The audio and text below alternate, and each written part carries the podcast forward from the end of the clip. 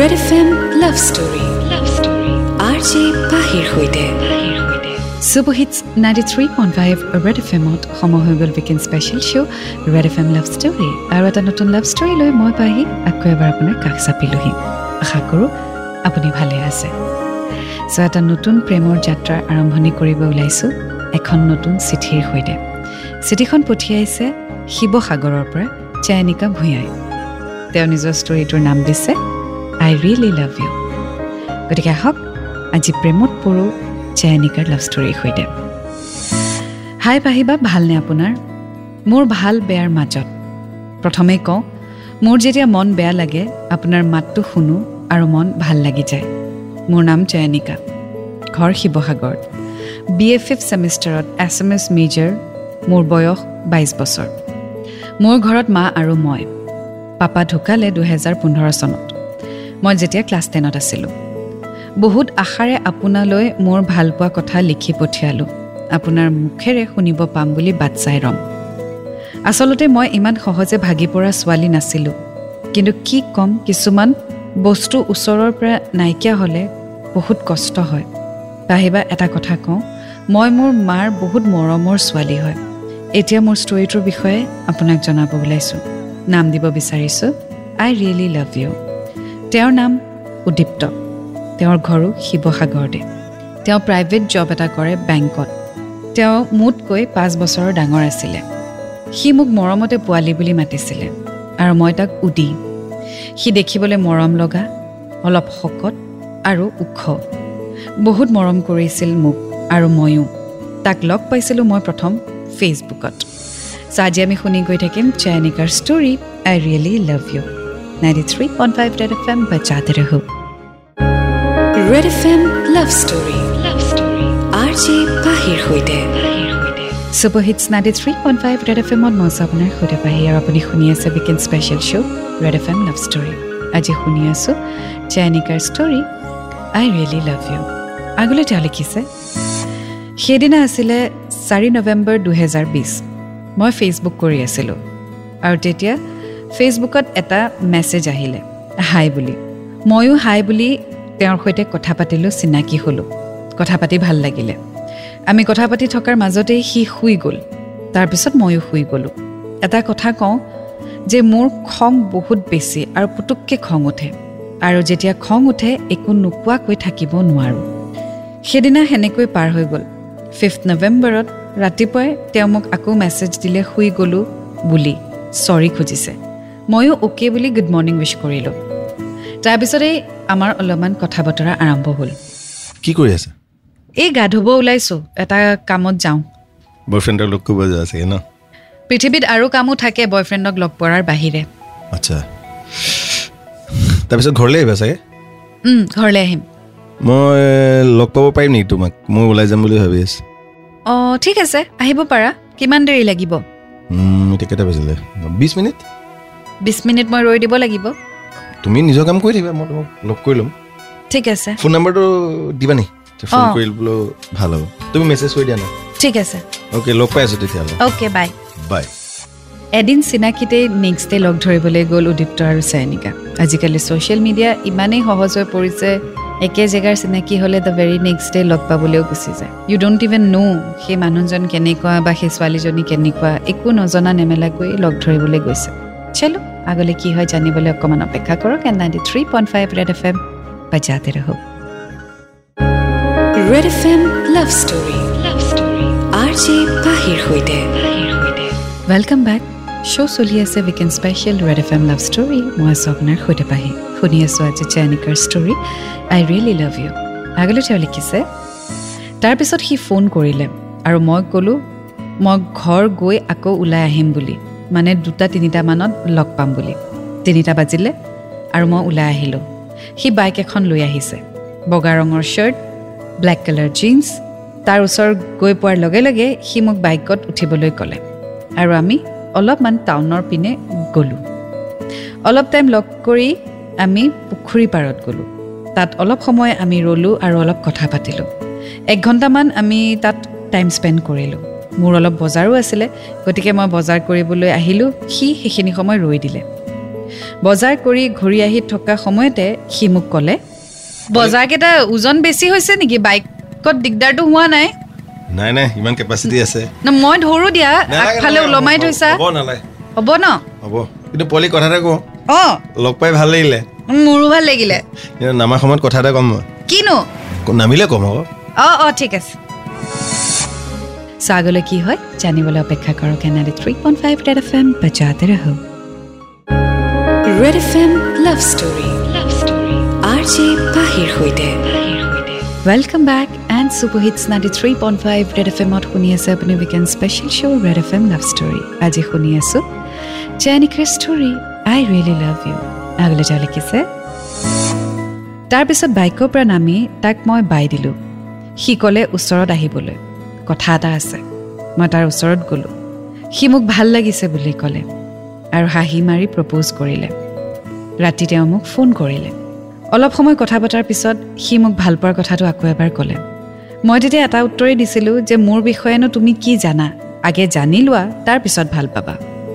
ছয় নৱেম্বৰ মই কলেজ গ'লোঁ আৰু সি মোক লগ কৰিলে। আমি গ'লোঁ জয়সাগৰ নিজান ঠাইলৈ। মই মোৰ পাষ্ট লাইফৰ কথা তাক সকলো খুলি ক'লোঁ।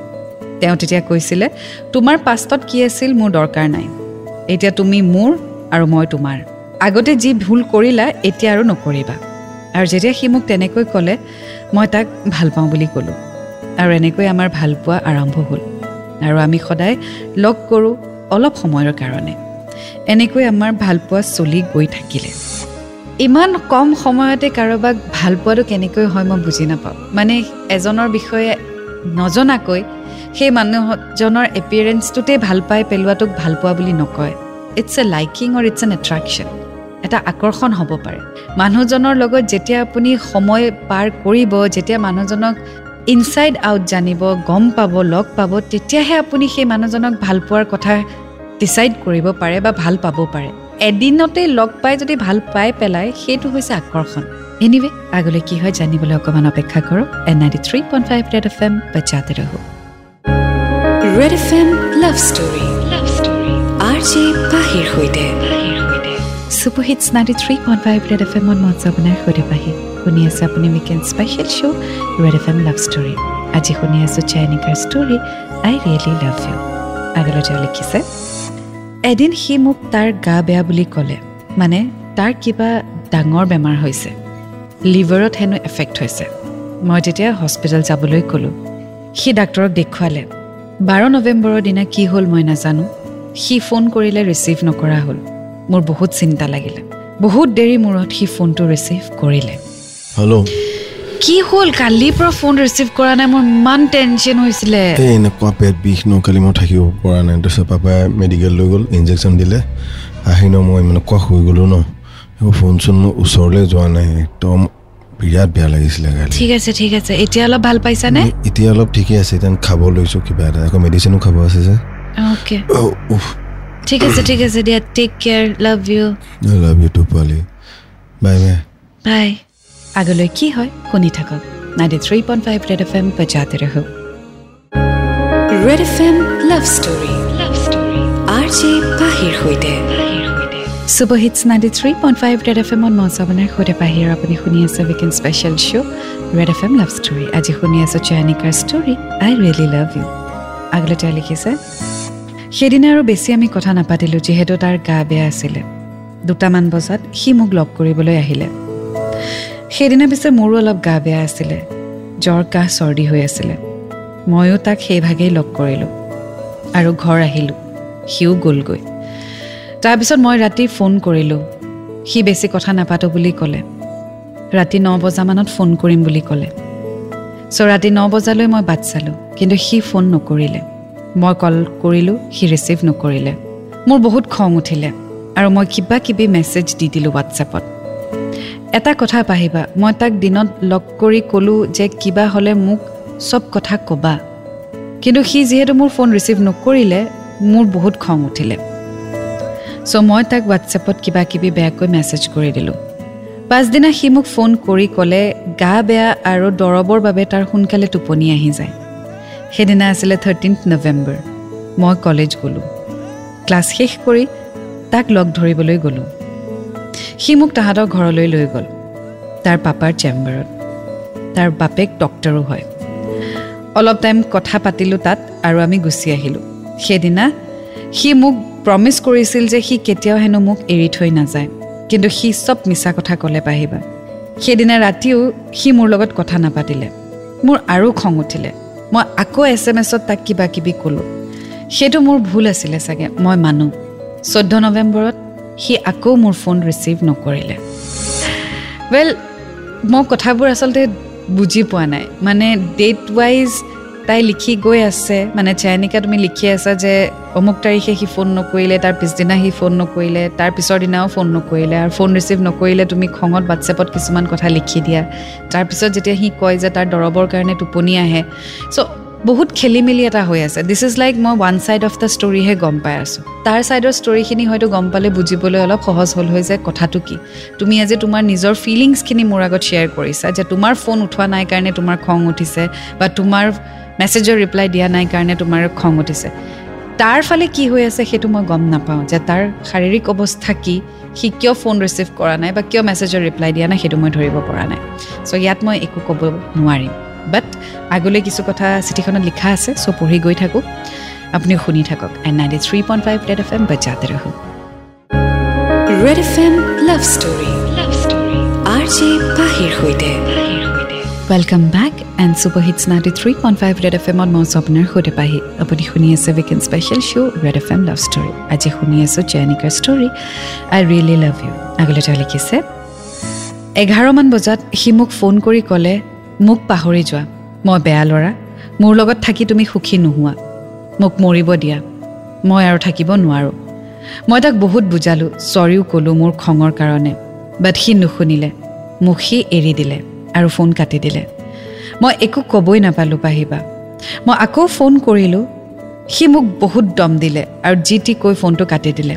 মই বহুত কান্দিলোঁ। তাক বহুত ক'লোঁ। বাট সি একো নুবুজিলে। মোক হোৱাটছএপতো ব্লক কৰি দিলে। ফেচবুকতো ব্লক কৰি দিলে। মই ভবা নাছিলোঁ যে সি মোক এনেকৈ দুদিনৰ কাৰণে ভাল পাবলৈ আহিব আৰু এৰি থৈ গুচি যাব। আজি সি মোৰ লাইফৰ পৰা যোৱা তিনিদিন হ'ল।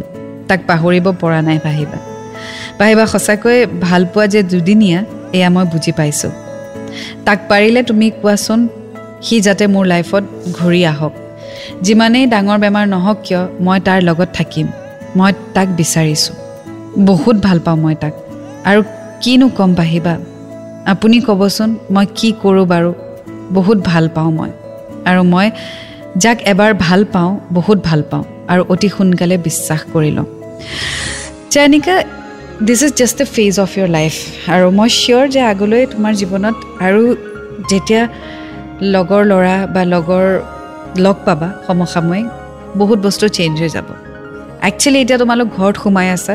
এই পেণ্ডেমিকত ঘৰত সোমাই কোনো চিনাকি নোহোৱা হৈছে ফ্ৰেণ্ডছ নোহোৱা হৈছে গতিকে সেইকাৰণে লাইফটো মেকানিকেল হৈ গৈছে। এবাৰ যেতিয়া আকৌ নৰ্মেল ডেইজ আৰম্ভ হৈ যাব লগালগ বস্তু চেঞ্জ হৈ যাব। চ' আজি তোমাৰ তিনিদিন হৈছে মানে এই চিঠিখনৰ মতে তিনিদিন হৈছে কিন্তু মই এতিয়া যেতিয়া পঢ়িছোঁ এতিয়া বহুত মাহ হৈ গ'ল। চ' এতিয়া হয়তো তোমাৰ লাইফ অলৰেডি চেঞ্জ হৈ গৈছে।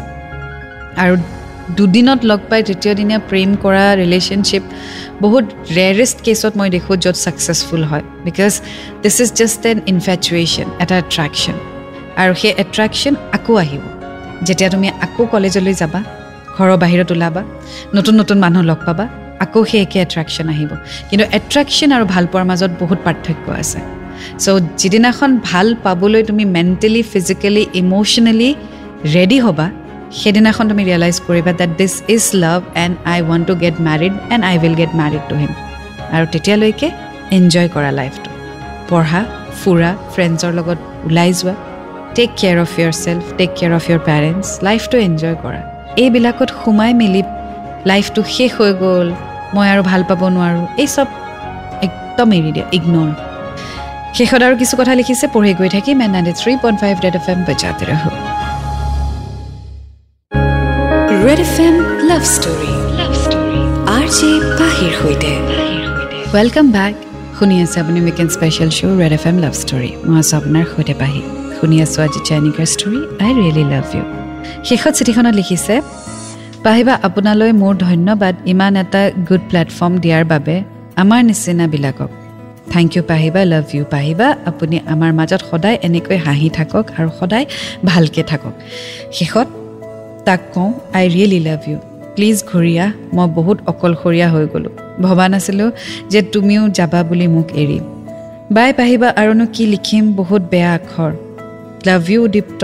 আৰু পাহিবা তাৰ গা চা বেয়া নে কি মই নাজানো। মোৰ মতে তাৰ গা বেয়া বাহানা মাৰিলে মোক এৰিব কাৰণে। কিন্তু যদি বেয়া সঁচাকৈ তেন্তে তুমি সোনকালে ঠিক হোৱা উদীপ্ত। লাভ ইউ ছ' মাছ বহুত মিছ কৰিছোঁ তোমাক। চৰি পাহিবা চিঠিখন বহুত দীঘল হৈ গ'ল। এয়াই আছিলে মোৰ ষ্টৰী দুহেজাৰ ষোল্ল চনৰ পৰা লাভ ষ্টৰী শুনিছিলোঁ আগতে অডিঅ' বুমত শুনিছিলোঁ। এতিয়া ইউটিউবৰ পৰা ডাউনলোড কৰি আপোনাৰ ষ্টৰিজবোৰ শুনো। আৰু এয়াই হৈছে মোৰ আধৰুৱা লাভ ষ্টৰী জেনিকা যিটো মই প্ৰথমতে ক'লোঁ এতিয়া আচলতে তুমি ঘৰত আছা কোনো তোমাৰ ফ্ৰেণ্ডছ নাই কাকো লগ পোৱা নাই সেইকাৰণে তোমাৰ অকলশৰীয়া ফিল হৈছে। যেতিয়া আকৌ নৰ্মেল লাইফ ষ্টাৰ্ট হ'ব এইবোৰ একদম পাহৰি যাবা। চ' এইবিলাক কথা চিন্তা কৰা বাদ দিয়া। এতিয়া এইটো চিন্তা কৰা যে ইন ফিউচাৰ লাইফত তুমি কি কৰিম বুলি ভাবিছা? এনেকৈ থাকিবা? মাৰ লগত থাকিবা? নে কি কৰিবা? চাকৰি কৰিব মন আছে? মাক ফুৰাবলৈ মন আছে? মাক উপহাৰ দিবলৈ মন আছে? নিজৰ লাইফটো এনজয় কৰিবলৈ মন আছে? নে ৰুমত বহি এই উদীপ্ত নামৰ এজন ল'ৰাৰ বাবে কান্দি কান্দি ঘূৰি আহা প্লিজ মই তোমাক এৰি থাকিব নোৱাৰোঁ। এইবোৰ কৰিবলৈ মন আছে। চইচ তোমাৰ ডিচিশ্যন তোমাৰ। এই বয়সটো আৰু এই বছৰটো যেতিয়া পাৰ হৈ যাব আৰু ঘূৰি নাহে so' take it seriously already আমাৰ লাইফ বহুত চেঞ্জ হৈছে এই পেণ্ডামিকত বহুতৰ চাকৰি গৈছে বহুতৰ চাকৰি হোৱা নাই। চ' তুমি কি কৰিম বুলি ভাবিছা সেইটো সিদ্ধান্ত লোৱা। এই প্ৰেম এই ভালপোৱা অট'মেটিকেলি তোমাৰ লাইফত আহিব। যেতিয়া তুমি উন্নতি কৰিবা যেতিয়া তুমি নিজকে ভাল পাবলৈ শিকিবা যেতিয়া তুমি তোমাৰ মাক ভাল পাবলৈ শিকিবা যেতিয়া এই ছিটুৱেশ্যনটোক ভাল পাবলৈ শিকিবা। চ' প্ৰথমতে নিজকে ভাল পাই লোৱা নিজৰ ভৰিত থিয় হোৱা চাকৰি কৰা ইণ্ডিপেণ্ডেণ্ট হোৱা। যেতিয়া ভাল পাবা নিজকে চব মানুহ আহিব তোমাক ভাল পাবলৈ। আৰু তাৰপিছত ডিচিশ্যন তোমাৰ। So' all the best Chayanika I hope you will grow' up to a nice and independent women I wish you all the best এয়া আছিলে আজিৰ ষ্টৰী ৰিয়েলি লাভ ইউ এতিয়া মই পাহি আপোনাৰ পৰা বিদায় লৈছোঁ। আকৌ লগ পাম with a new story until then to fall in love it's a great feeling you will get to learn a lot and always remember I love you ninety three point five red F M বজাতে ৰহো